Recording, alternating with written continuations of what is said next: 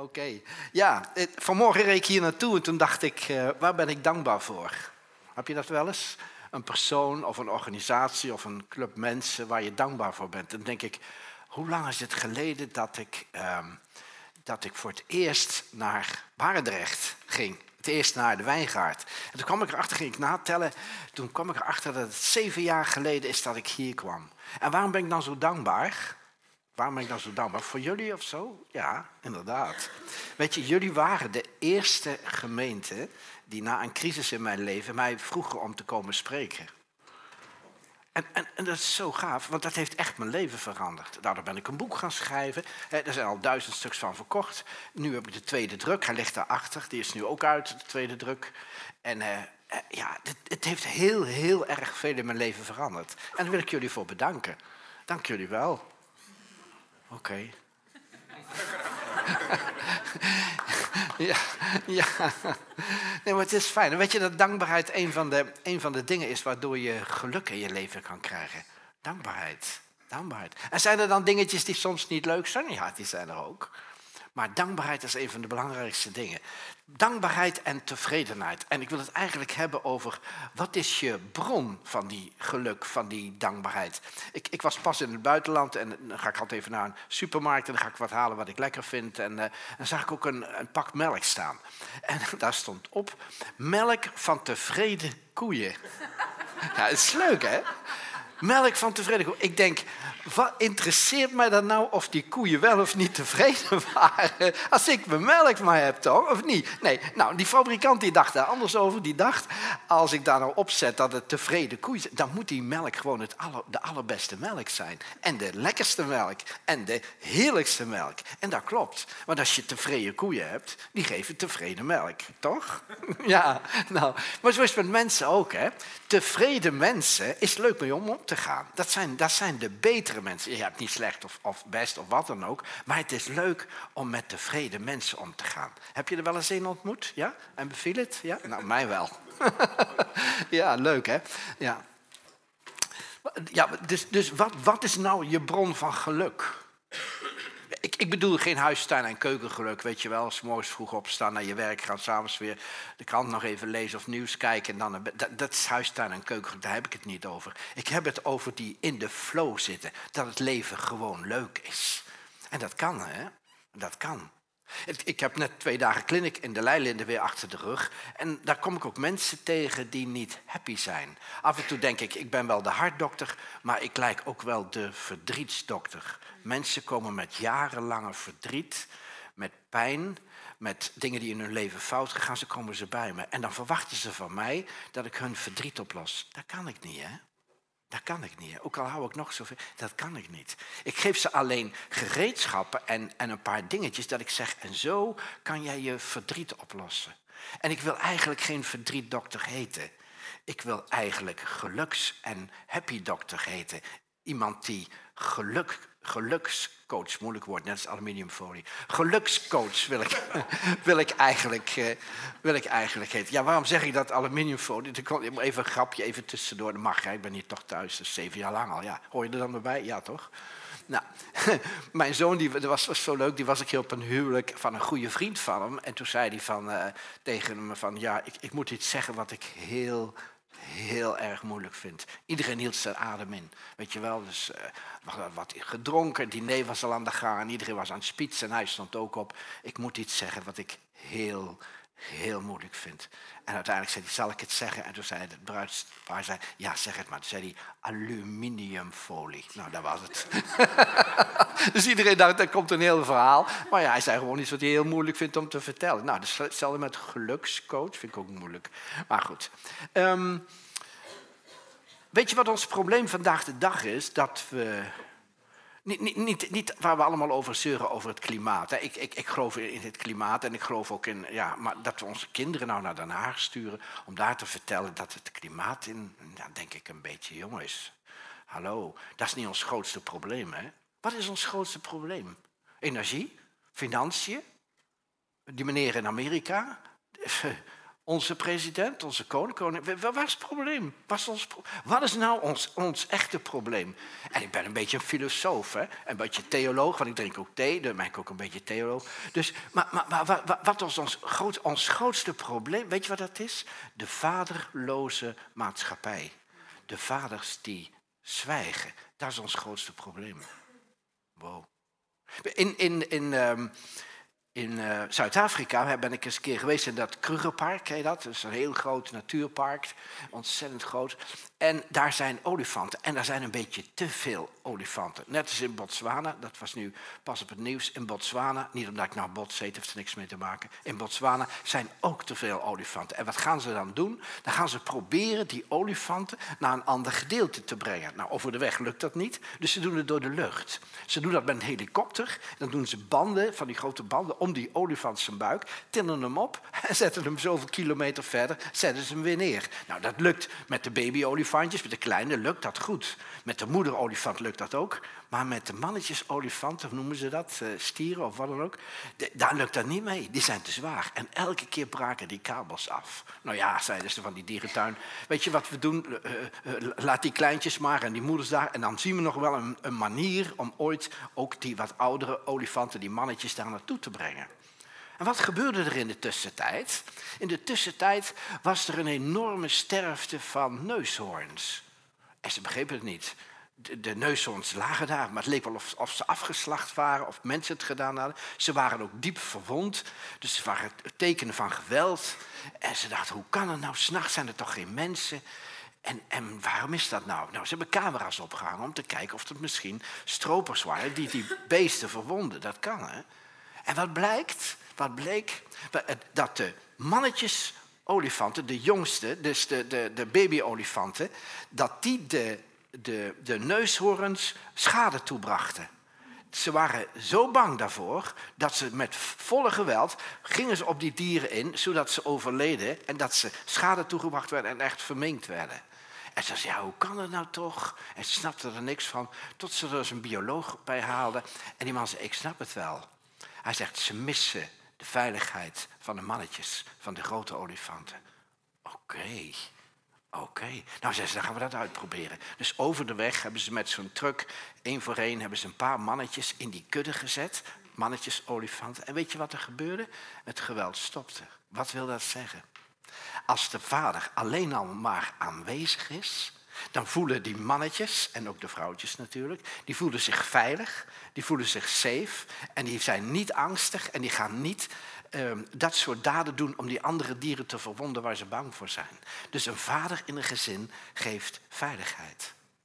Wow, wow. Geweldig hè? En dat is ook in onze maatschappij. Dat is ook in onze...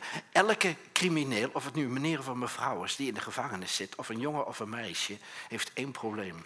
En dat is een vaderprobleem. Ik heb wel eens verteld hè, van, van Haalmarkt dat ze kaarten verstuurden met moederdag. Hè, dat ze met moederdag, iedereen kreeg gratis kaarten om te versturen. Er zijn een hele hoop kaarten verstuurd, te weinig kaarten ingekocht. Ja, volgend jaar zullen we het beter doen. Nou, zei die directeur, weet je wat, van Haalmarkt, weet je wat, we gaan jullie met Vaderdag, gaan we jullie een hele hoop extra kaarten geven, dat jullie allemaal kunnen versturen. Hoeveel zijn er verstuurd? Niet één. Niet één. Iedereen die in de gevangenis zit, heeft een papa, een vaderprobleem. ongelooflijk, hè? Nou, weet je, alleen de aanwezigheid van een vader in een gezin doet al heel veel. Alleen een zwijgende vader helpt niet zoveel. Ik heb een zwijgende vader gehad. Ik, ik word nerveus als, als, als ik met iemand een dispuut heb of ik heb, ik heb ergens iets over en die persoon die zwijgt naar mij. Dan, heb ik het, dan, word, ik, dan word ik nerveus, dan word ik zenuwachtig, kan ik niet meer omgaan. Dan heb ik liever dat iemand me een klap recht in mijn gezicht geeft als dat die zwijgt. Ik kan niet met zwijgende vaders of leiders omgaan. Daar heb ik een probleem mee. Maar goed, ik moet ermee leren leven. Maar, maar, maar alleen al een, een, een vader in een gezin is al voldoende om een kind een, soort van rust en zekerheid te geven. Namelijk zijn veiligheid wordt opgebouwd. En helemaal als die vader nog gaat bemoedigen, driemaal daags na de maaltijd tegen een van de kinderen zegt, ik vind jou leuk, ik zie jou zitten, ik ben blij met jou. Maar ja, dat heb ik ook niet altijd gedaan. En heb ik dan schuldgevoel? Soms. Dan denk je ja. Maar goed, ik heb op een andere manier heb ik ook voor hun gezorgd. En dan denk ik gewoon, Kees, dat heb je goed gedaan. Dat mag je ook tegen jezelf zeggen. Hè? Kees, dat heb je goed gedaan. Moet je natuurlijk geen Kees zeggen. Ik zei dat pas tegen iemand. Ja, weet je, als je in de spiegel bent en je houdt niet van jezelf, dan zeg je gewoon, Kees, je bent leuk. Nou, de jongen heette, die heette Jasper en hij keek in de spiegel. En toen zegt hij, Kees, je bent leuk. Hij zei, het werkt niet, Kees. Ik zei, je moet geen Kees, je moet Jasper zeggen, je bent leuk. Oké, maar ja, dat snappen jullie allemaal wel. Ja. Nou, een van de dingen is, wat is geluk eigenlijk? Ik heb dat dus opgenoemd. Geluk kan je, je, kan het ook zeggen, ik heb mazzel. Weet je wel, dat is, dat is wat de wereld zegt. Oh, je hebt ook mazzel. Of, oh, dat is ook toeval. En dan maken wij ervan, ja, het valt je toe. Geluk kan zijn dat je tevreden bent. Het kan tevreden zijn. Geluk kan zijn dat je genot hebt. Er zijn ook mensen, weet je, vooral hedonisten, die zoeken het echt in genot. Als je nou maar gelukkig bent, als je nou maar geniet van het leven. En ik ben een levensgenieter, hè, bij uitstek. Hè. Ik vind het leven leuk, hè. Maar zal ik je iets vertellen? Ik doe er heel veel zelf aan om het leuk te hebben. Een van de dingen die mijn leven leuk gemaakt heb, is dat ik weer van mezelf ben gaan houden. Ik hield niet van mezelf, hè. Ik vond mijzelf niet leuk. Hè? Weet je hoe dat gekomen is? In mijn vroege jeugd, toen ik, toen ik door mijn vader werd afgewezen, heb ik gedissocieerd van mezelf. Ik heb die connectie met mezelf niet gemaakt, omdat ik dacht dat ik niet leuk was om mee te connecten. Dat is mijn trauma. Ik ben, ik ben mezelf kwijtgeraakt. En omdat ik mezelf kwijtgeraakt ben, kon ik niet van mezelf houden. Ik vond mezelf niet leuk, ik vond mezelf niet goed genoeg. En niet goed genoeg, dat zit niet in je hart. Hè. Dat, we hier, dat is de bloedpomp, dat zit hier. Ik zeg wel eens, hier zit je hart. Als je, als je afgewezen voelt, voel je het hier. Als je verliefd bent, dan zitten niet hier je, je, je, hoe heet het, je, je vlinders, maar hier. En als je afgewezen wordt, zit hier de knoop in je buik. Weet je, oh, weet je, doet oh zo pijn. En daar is het. En omdat ik, en omdat ik van mijzelf mezelf heb afgesneden, geen contact meer met mijn eigen identiteit had, ben ik vergeten wie ik was en kon ik ook niet van mezelf houden. En mijn genezing is ontstaan doordat ik, dat ik, dat ik zelf zag dat ik van mezelf uh, afgesneden ben en dat ik weer connectie met mezelf gehad en tegen mezelf heb gezegd, Kees, je bent leuk om van te houden. En toen ben ik van mezelf gaan houden, en dat is natuurlijk een proces, ik zeg het nou in een heel kort zinnetje, maar toen ik weer van mezelf ging houden, kreeg ik herstel, werd ik zelf leuk en kon ik van mensen gaan genieten. Voor het eerst in mijn leven kon ik tegen andere mensen zeggen, heel oprecht, je bent leuk. En hoe fijn is dat als je dat hoort, driemaal daags na de maaltijd. Is toch leuk? ja. Nou, iemand die dat uitgevonden heeft hoe, hoe, het werkt, dat is Bruce Lipton. En dan moet je niet denken, ja, ik, ik zeg wel hij is een broer van die man die die thee eh, gedaan heeft, hè, die ijsthee, Lipton. dat denk ik niet, hè. Nee, maar dan kan het goed onthouden, Bruce Lipton. En die heeft een heel klein stukje video, wat, wat me maanden al bezighoudt. Ja, want ik ben namelijk met een boek bezig en dat moet gaan over, over bliss. En bliss betekent eigenlijk gelukzaligheid. Ik wou eerst happiness doen, maar dan denk ik, dan zetten ze me gelijk in de, in, de, in de kast bij de New Age. En dat wil ik gewoon helemaal niet, want ik ben een volger van Jezus. Hij is gek op mij, ik ben gek op hem. Dus ja, dus daar wil ik niet komen. dus happiness, dat is wel het een, het, een woord wat heel goed verkoopt. Want iedereen, stel nou voor, iedereen, iedereen wil happiness. Ik heb wel eens in een Pinkstergemeente waar ik was, dan zei ik, jullie één, één arm omlaag doen die ook voor happiness is? Ja, dan staan de mensen altijd zo, weet je. Dat, niks met Pinkster, maar dat is ook leuk. God houdt van en hij wel. nee. maar, maar het is leuk. Hè? Dus doe één hand omlaag, dan, heb ik je gezien. Ook met koffie, hè, zeggen ze. Wil die één, één hand omlaag doen, die koffie wil. Ja, want alle handen zijn naar boven. Jullie snappen het niet, of wel? Ja, okay. je mag lachen, hè. ja, dat helpt ook. Wist je dat lachen als je je mondhoeken naar boven doet? Ook al meen je niet, ook al meen je niet dat er direct uh, uh, feel-good hormonen aangemaakt worden bij jou, waar je direct plezier van hebt. Dus ik zie wel eens mensen kijken en dan doe ik zo, weet je wel. nee, maar dat werkt direct. En lachen is ook aanstekelijk, toch? Ja, nou. Nou, die meneer Bruce Lipton, die heeft één ding gezegd. Die heeft gezegd dat je wordt geprogrammeerd in de eerste zeven jaar van jouw leven. Dus vanaf dat je in de moederbuik bent, Totdat je zeven bent, word je geprogrammeerd. Omdat jij in de alfa-status zit. En de alfa-state, dat is hetzelfde als uh, een half uur voordat je naar bed gaat... of een half uur nadat je opgestaan bent. Dat is de alfa-state. En in de alfa-state kan je heel dicht bij je hartje. Dan kan je dicht met je gevoel en dan kan je ook dingen opschrijven op je hartje die je graag wil. Nou, jouw ouders hebben gebruik of misbruik gemaakt van die zeven eerste jaren van jou. En zonder veroordeling, want dat heb ik ook gedaan. Van die eerste zeven jaar om daarop te schrijven voor jou wat nodig is voor jouw opvoeding. Daar leer je ontzettend snel. Een kind leert in die alfa-status veel sneller. Na zeven jaar stopt het. En ik zal je iets zeggen, dan is er niets meer te veranderen. Tenzij. Tenzij.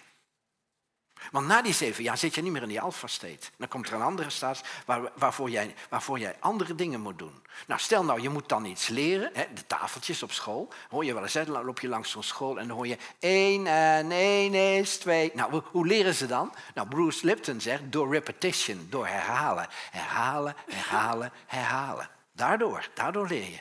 Hoe leer je autorijden? Dat kan je niet als je zeven bent en ook niet als je acht bent. Ook niet kwart over acht, half negen ook niet. Dus je moet wachten tot je 18 bent. Nou, als je 18 bent, leer je autorijden. Nou, dan komt er zo'n rijinstructeur en zegt, meneer, u wil auto leren rijden. Hier is de sleutel, rijdt u maar even een rondje. En daarna heeft u uw rijbewijs. Nee, zo werkt het niet. Hij komt elke week terug of elke zoveel keer per, maand. Wat, eh, hoe jij dat ook afspreekt. Dus hoe leer je dan? Door herhalen. Alles leer je door herhalen Alles wat je verkeerd geleerd hebt, leer je door herhalen. Mensen denken, mensen denken dat ze beslissingen nemen met hun hoofd. Ik ga je zeggen, dat is niet waar. Dat is niet waar. Je neemt beslissingen uit die eerste zeven jaar dat jij geprogrammeerd bent. En als jij gehoord hebt, ik ben niet goed genoeg, en je hebt een gebroken hartje vanwege afwijzing, wat ik ook gehad heb, dan maak jij gebroken beslissingen.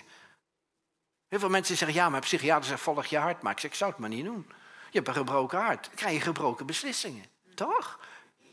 Ja, ja, ja. Dan ga je vader die alcoholist is. En dan zeg je, weet je wel, zo'n vader wil ik nooit die alcoholist is. En dan komen ze even later thuis. En dan zegt die jongen, ja, hij drinkt wel veel. Maar ja, is wel een heel aardige jongen. Dat is neurose. Weet je dat? Dan ga je iets doen wat je eigenlijk helemaal niet wil. Maar de enige soort liefde die je gehad hebt is van een vader die drinkt. En die dan heel lief en aardig is, maar ook enorm je, uh, angst kan, kan, uh, toebedelen. En dan denk je, ja, maar waarom kies ik daarvoor? Neurose. Neurose. En daarom moeten we heel worden. We moeten niet, we mogen heel worden. En een van de bronnen daarvoor is geluk. Is, is dat je je goed voelt over jezelf. En dat is wat God wil met jou. Wist je dat? We gaan naar de volgende tekst.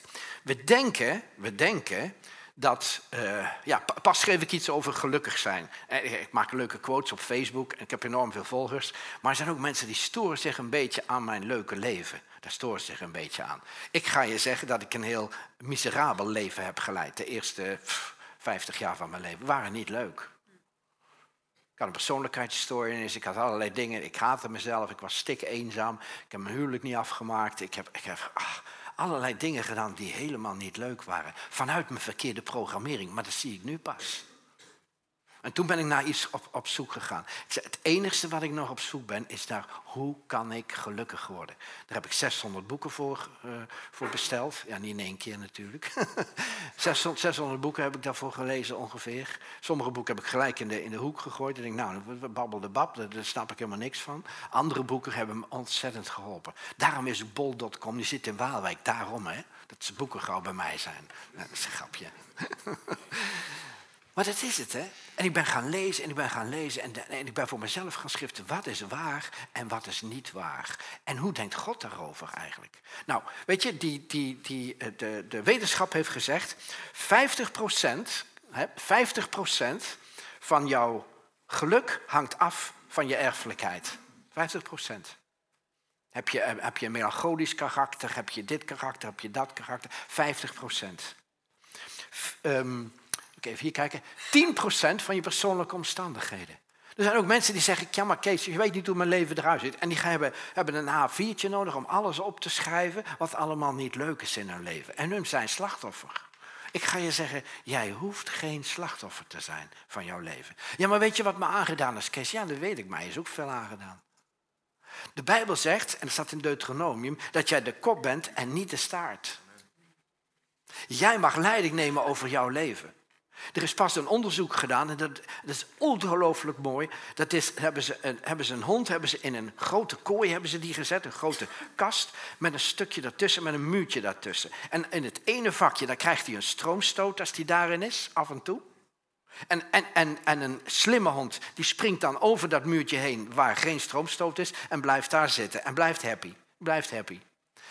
Er zijn andere soort honden die, die zitten daar en die krijgen die stroomstoot, die schrikken en die blijven daar zitten en die worden steeds neerslachtiger. Die gaan minder eten, worden verdrietig, worden eenzaam, worden. En, en, en, en maar ze, ze springen niet daarover. Hè? Dan zeg ik, nou, als ik hondencoach was, dan zou ik zeggen: hé, hey, kom op, joh, spring erover. Daar, daar krijg je steeds die schok, daar niet. Nou, dat is wat ik doe op de hartkliniek bij mensen. Daar krijg je steeds die schok. Daar moet je wegblijven. Maar daar is het goed. Daar is het goed. Nou, die honden die daar blijven zitten, die, die gaan minder eten, worden minder leuk, worden, ja, die worden gewoon depri. En ik zie heel veel depressieve mensen, heel veel depressieve mensen, die blijven daar zitten, die blijven in hun pijn en die zeggen, ja, het is het leven wat me dat gegeven heeft. We zijn ook boos op het leven, bieden ook weerstand tegen het leven. En een van de dingen die ik vanmorgen tegen jou wil zeggen, dan ga jij niet gelukkig worden. Dan ga jij niet happy worden, wat je ook hebt meegemaakt. Ja, maar Kees, wat me mee... Nou, weet je, als je kijkt naar de zoon van Maurice de Hond, die jongen heeft een, uh, heeft een dwarslesie, zit in een rolstoel. En toen zei hij, en dat vond ik fantastisch, hij zei, Kees, de eerste maanden van mijn leven dacht ik, mijn leven stort in elkaar. Ik kan nooit meer gelukkig zijn. Ik zeg haar nu, hij zei, nu ben ik een van de gelukkigste mensen ter wereld. Hij zei, ik kan niet lopen, ik kan nooit meer. Hij zegt, maar, maar, maar ik, ik, ik heb zo weten te genieten van het leven en, wat, waar het werkelijk om gaat. Dat het uiteindelijk bevestigt hij dat de omstandigheden van jouw geluk maar 10% uitmaakt van je erfelijkheid. En 40% heeft te maken met jouw gedachten en met jouw gedrag. Met jouw gedachten en met je gedrag. Dat boek wat ik nu aan het schrijven ben, dat gaat eigenlijk zo. We zag, zal ik het even? Ja, jullie hebben zeven jaar, zijn wel vrienden, dus ja, jullie mogen het weten, vooruit maar. Um, het boek wat ik ga schrijven, dat gaat over wat God belooft in zijn woord. God heeft allerlei beloftes. Hè? Allerlei beloftes heeft hij in zijn woord. En dan wat gemanifesteerd is in jouw leven. En daar zit een kloof tussen. Bij, bij, jullie misschien niet, maar bij mij wel. Daar zit een kloof tussen wat God belooft en wat gemanifesteerd in mijn leven is. En ik heb ontdekt, en daar gaat het boek over. En dan ben ik aan het schrijven en aan het doen en, en ook aan het raadplegen en, en met mensen aan het spreken daarover. en ik heb ontdekt dat de grootte van de kloof tussen wat God belooft en wat ik zie in mijn leven, is mijn eigenwaarde en zelfbeeld hoe lager mijn eigen waarde en zelfbeeld is, ik ben niet goed genoeg, ik mag er niet zijn, ik doe er niet toe, hoe groter die kloof is. En hoe minder goed, dan heeft het niks met jouw geloof te maken. Ja, dat gebeurt niet in mijn leven. Ja, dat is te weinig geloof. Nee joh, je hebt geloof genoeg, want je hebt het geloof van Jezus.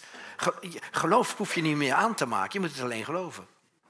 Weet je? En hoe meer jij van jezelf houdt, hoe kleiner die kloof wordt.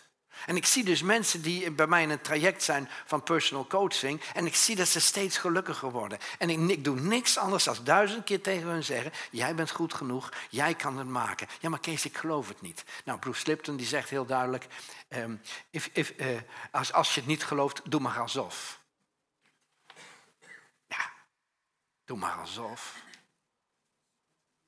Weet je, je, je uh, ik zeg wel eens tegen iemand die zegt van ja, ik geloof niet dat God van me houdt. Ik denk ja, nee, dat snap ik wel. zeg ik dan nee, nee, ik denk ook niet dat hij van houdt. Echt waar, Kees? Echt waar? Ik zeg natuurlijk houdt hij van je. Waarom zou hij niet van je houden? Hij is gek op je. En als je het niet kan dingen, ik zeg, if you don't make it, fake it. Als je, het niet, als je het niet gelooft, doe alsof. Doe nou alsof. Doe nou alsof God van je houdt. Je, kan het je niet voorstellen omdat je jezelf zo afgewezen voelt. Omdat je gedisconnect bent in je jeugd van je eigen persoonlijkheid. Daarom geloof je niet dat je goed genoeg bent. Maar fake it till you make it. Doe maar alsof. En op een gegeven moment zegt zo'n persoon, ik, ga, zeg het elke keer tegen mezelf, ik ben goed genoeg, ik mag er zijn, ik ben geliefd. En op een gegeven moment zegt zo'n persoon, hé hey Kees, en het duurt dan een paar weken, ik, ik ben het gaan geloven. Ik zeg, hij zegt, mijn leven is zo veranderd. Weet je wat het allerleukste is? Er kwamen weer mensen op de clinic. En heel veel mensen die ik helemaal niet ken, ook uit verschillende kerken. En toen zei ik, jullie hoeven niet te veranderen. Oké. Toen zegt iemand, dat, is een, dat is opluchting. Ik ben naar allerlei cursussen geweest. Ik heb allerlei boeken gelezen. Zeven stappen naar dit, acht stappen naar heiligheid. Zeven stappen naar geloof. Honderd stappen naar dit, duizend stappen. Ja, jongens, kom op. Ik zeg ook vanmorgen tegen jullie, jullie hoeven niet te veranderen. Het enige wat moet veranderen, het enige moet veranderen, is de gedachte dat jij goed genoeg bent. Dat heb ik achter in mijn boek, heb ik extra erbij gedaan. Een pagina, er staan nog meer pagina's die erbij zitten. Maar dit is het. You are perfect exactly as you are. There's no need to change anything except the thoughts that you aren't good enough. Je hoeft helemaal niet te veranderen, want jij bent goed genoeg. Het enige wat jij mag veranderen is de gedachte dat jij goed genoeg bent. Dat is toch makkelijk, hè? Iemand zegt, ja, maar dat is te kort door de bocht. Dat is te mooi om waar te zijn. Ik zeg, daarom heet het ook evangelie. Weet je? En ik heb onderzocht wat allerlei godsdiensten en allerlei mensen hebben gebruikt. De ene zegt, eh, ja, eh, het geluk is niet de weg, de weg is het geluk. Nou, weet je wel, allerlei dat soort uh, tegeltjes teksten. Maar ik heb een tegeltjestekst heb ik ontdekt die echt hout snijdt. En dat staat in Marcus 12. En dan zegt Jezus, Jezus zei, op een gegeven moment zegt ze tegen Jezus, wat is nou het grote gebod? Wat is nou het grote gebod? En dan gaat hij zeggen, Yahweh, onze God is één. Je moet de Heer Yahweh, jouw God, liefhebben met elke hartstocht. Dat staat hè, in de oude vertaling staat hartstocht. Hè? Ik heb van het Grieks heb ik daar gekeken, er stond hartstocht. Ik denk, wow, hartstocht van je hart. Dat betekent met passie. God liefhebben met passie. Niet gewoon heel netjes naar de kerk gaan en een mooi gezicht uh, aantrekken en zeggen van, uh, oh, weet je, ja, goedemorgen, goedemorgen, weet je En verder denken, ja, het zal allemaal wel. Nee, met hartstocht staat er. Hartstocht. Met alle energie van je wezen. Met elke gedachte die in je is. En met al je kracht. Wow, zo God liefhebben. En waarom? Waarom? Omdat hij jou eerst heeft lief gehad. God zal nooit iets van jou vragen wat hij jou eerst niet zelf heeft gegeven. Hij heeft jou eerst liefde gegeven. Dat staat in Romeinen 5, vers 5. Hij heeft liefde uitgestort. En dan moet je denken aan zo'n, aan zo'n als je, als je zo'n, uh, een, een, put aan het graven bent en dan moet cement in. Dan komen ze met zo'n cementmolen en die stort dan cement. Nou, zo heeft hij jouw hartje genomen en denkt, hé hey, Kees, even mond open, hup, stort ik het zo in je hartje. Dat is er al. Maar omdat je niet van jezelf houdt, ervaar je het niet. Want jij bent het niet waard, zeg je. Of een klein stemmetje zegt het. Of je oma heeft dat vaker tegen je gezegd. Noem maar op. En dan gaat het verder. Dit is het grote en allergrootste gebod. En het tweede is deze. Je moet je naaste lief hebben op dezelfde manier als je je van jezelf houdt. Je zult nooit een groter gebod vinden als deze. En dat vind ik zo leuk hier gezegd door Jezus. Hij zegt, je moet je naaste lief hebben op dezelfde manier. Hij zegt gewoon, je houdt toch van jezelf? Eh, sorry Jezus, maar wij in Barendrecht en Kees zijn dat een beetje vergeten. God gaat ervan uit dat jij goed genoeg bent. Dat jij van jezelf mag houden. Maar we hebben allerlei dingen in onze zeven jaren van ons eerste leven gehoord. We hebben honderdduizend keer gehoord. Niet doen, niet aankomen, dat mag je niet. En noem alles maar op. En soms is het goed als een kind te dicht bij de open haard komt. Dan zeg ik niet doen, pas op.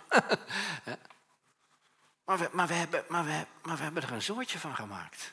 Weet je, ik, ik ben ook aan het trainen en dat is heel fijn. Ik heb nu vier kleinkinderen, ik ben gek op hun. En uh, ik denk, wat ik allemaal vergeten ben met mijn eigen kinderen, ga ik nu uh, zien bij de kleinkinderen. En dat is zo leuk. Ze waren met kerstavond, waren ze bij me. Alle, alle kinderen, alle kleinkinderen. We zaten met 15 man aan een tafel. Uh, en ik had lekker gekookt en de anderen hadden allemaal wat meegebracht. Het was heel erg leuk. En, en een kleine Jackie, de, drie jaar, die kwam ook. Hi opa! En, uh, hij, zat, hij eerst de auto zien. De auto staat op de oprit. Hè. Gaan we even kijken? Ja opa, de auto, ja. Kwam ik van de week kwam ik even bij met de fiets. Auto nou? Opa, opa Kees, auto nou? ik ben met de fiets. Nee, auto nou. Hij, hij, denkt, dat, dat, dat, kan niet. opa op de fiets, dat kan niet. Opa, we moeten een auto hebben. Ja, toch? Nou ja, leuk. Dus hij komt bij mij en... Eh, en waar hij gek op is, dat is chocomel. En wat had ik gezien bij Albert Heijn, eh, hoe mag ik geen reclame maken? Bij de Lidl? Nee, nee, bij de. Nou, noem maar op. Daar hebben ze, bij de supermarkt, dankjewel. Daar hebben ze van die, van die kleine blikjes, was toen met kerst, van die kleine blikjes chocomel, die echte, weet je wel, die echte. En die moet je dan zo opentrekken, net zo'n cola blikje zo. Dus die had ik gekocht voor alle kleinkinderen. Ik denk, nou, dus die had ik gekocht. Zei, kijk eens wat opa heeft. Oh, nou, en hoe moet hij dan open? En ik keek dan aan de onderkant en de bovenkant. En ik zei, nee, dat gaat hier zo. Dus ik maakte hem open voor hem. Nou, zijn moeder die vroeg even wat. Nou, en ik had de tafel mooi, mooi gedekt. En daar had ik allemaal mooie witte napperons opgezet. En nou, kaarsen staan er sowieso bij mij het hele jaar op. Dus ja, alleen een rood lintje. En dan is het kerst, toch? Ja, nou. Dus hij pakt dat blikje zo, pakt hij op. En hij zette, kijk, dus, dus ik zal het ongeveer zo doen. Dus zo. En ik had hem opengemaakt en hij zit met zijn moeder te praten en hij zet het zo op tafel, op die witte napperon. Nou ja, wat gebeurt er dan? De hele tafel onder de chocolademelk. En zijn moeder zei, oh Jackie, wat doe je nou op? Hij heeft zo mooi de tafel gedekt. En hij keek zo heel angstig naar mij toe en dit en dat. Ik zei, Jackie, er is niks aan de hand. Vroeger was ik altijd een beetje zenuwachtig. Als alles maar goed gaat en de kinderen een beetje leuk met elkaar omgaan. Dan denk ik, maar ik had echt. Ik zei, heer, ik wil, ik wil dat het kerst wordt. Dat er vrede is in hun hartjes en in mijn hartje ongeacht wat er gebeurt. Dus ik denk, oké, daar hebben we het al. In andere kerken zeggen ze, in andere kerken zeggen ze dat is de duivel, weet je wel. Maar ja, het is zo'n onzin om overal de duivel de schuld van te geven. Het is gewoon een kind wat dat flesje verkeerd zet. Ja, zie ik niet, hè.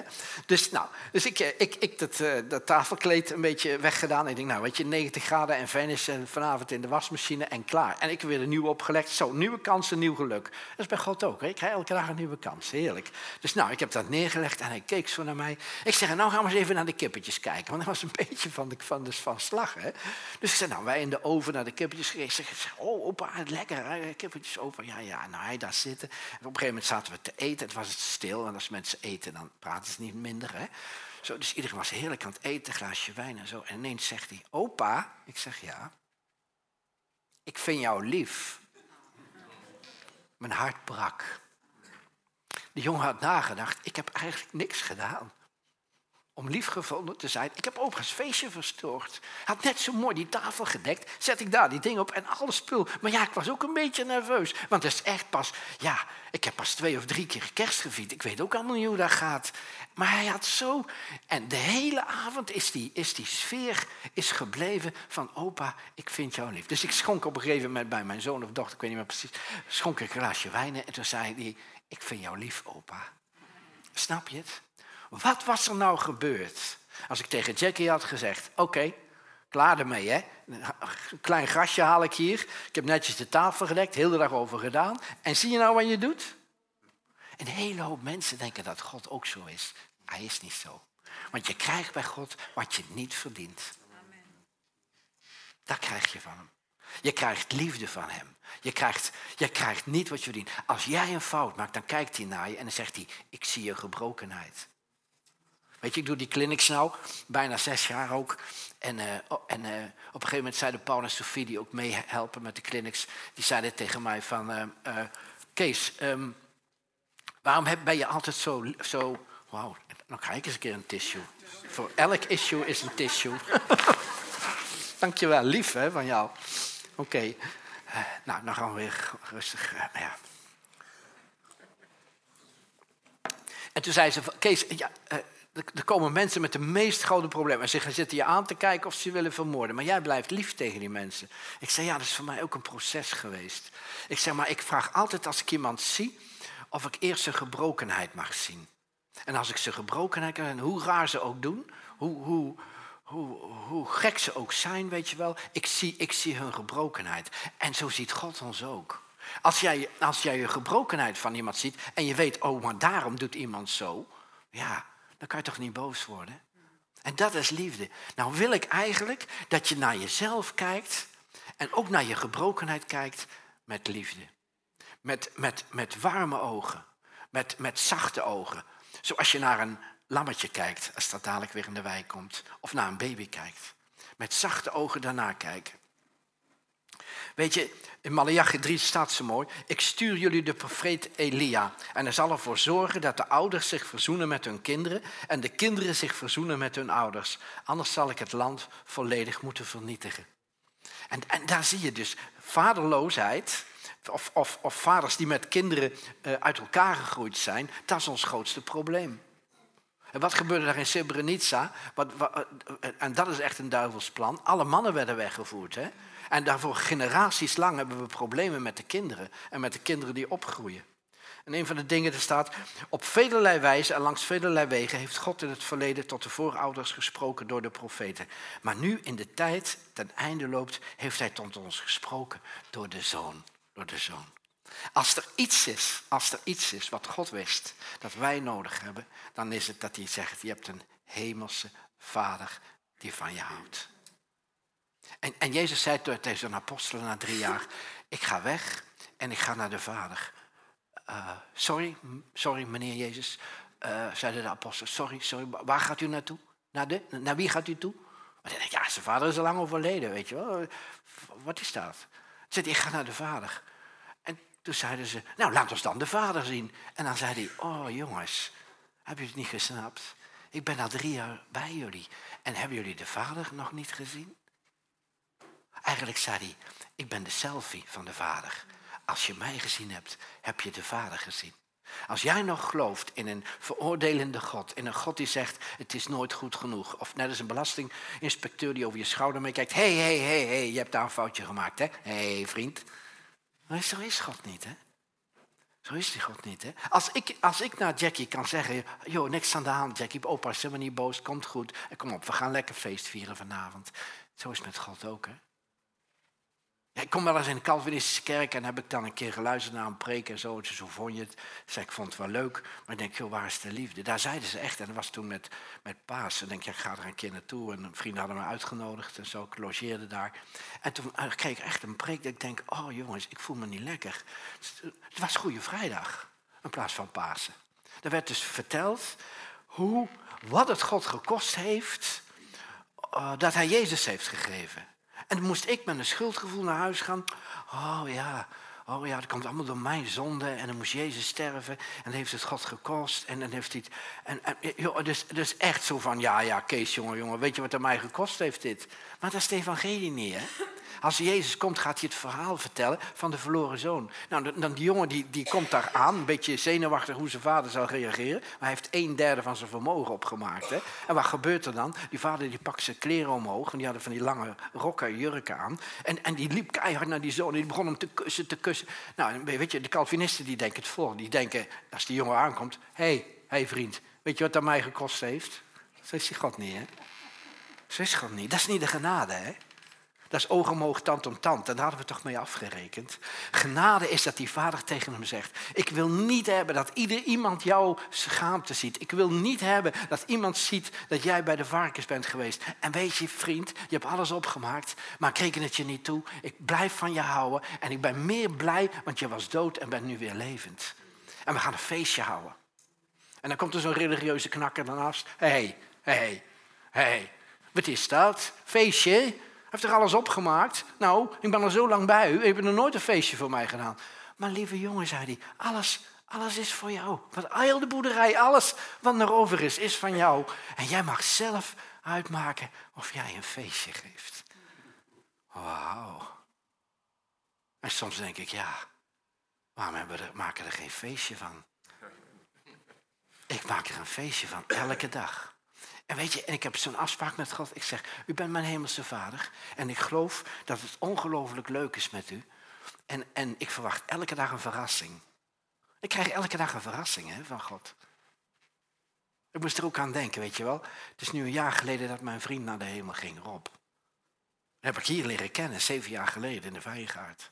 En er waren wat probleempjes in dit en dat. En dan zei hij tegen Ellen, ehm, zo om de 14 dagen of om de week. Ik ga eventjes naar Casey toe. KC, Casey zei hij altijd. Casey. Hey Casey, Casey en de Sunshine Band noemde hij mee. en dan kwam hij eten en we gingen lekker. Hij zei, kun je nog ergens lekker eten even?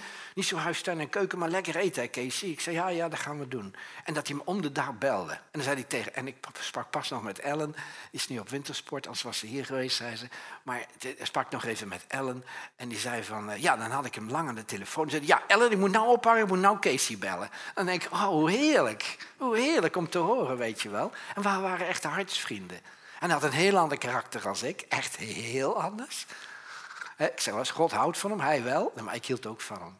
En dat was een van de laatste woorden naar mij. Zei hij, Casey, weet je wat ik denk? Jij houdt echt van mij, hè, zei hij. Ik zei, Rob, ik hou echt van jou. Super, hè? Super, hè? En ik mis hem. Maar weet je wat ik zeg? Het gaat niet mijn geluk in de weg staan, ook al mis ik hem. En ik heb andere vrienden, maar die zijn wel anders. Maar het hoeft nooit mijn geluk in de weg te staan. Als mijn geluk afhangt van prikkels van buiten of van omstandigheden, dan als die omstandigheden of prikkels wegblijven of veranderen, zou mijn geluk ook weg zijn. Ik heb een bron gevonden in de liefde van God die nooit iemand weg kan nemen. Tot mijn laatste snik weet ik dat ik intens geliefd ben, dat hij heel veel van me houdt en dat hij stapelgek is op mij en ook op jou. Echt waar. En als je het niet gelooft, fake it till you make it. Amen.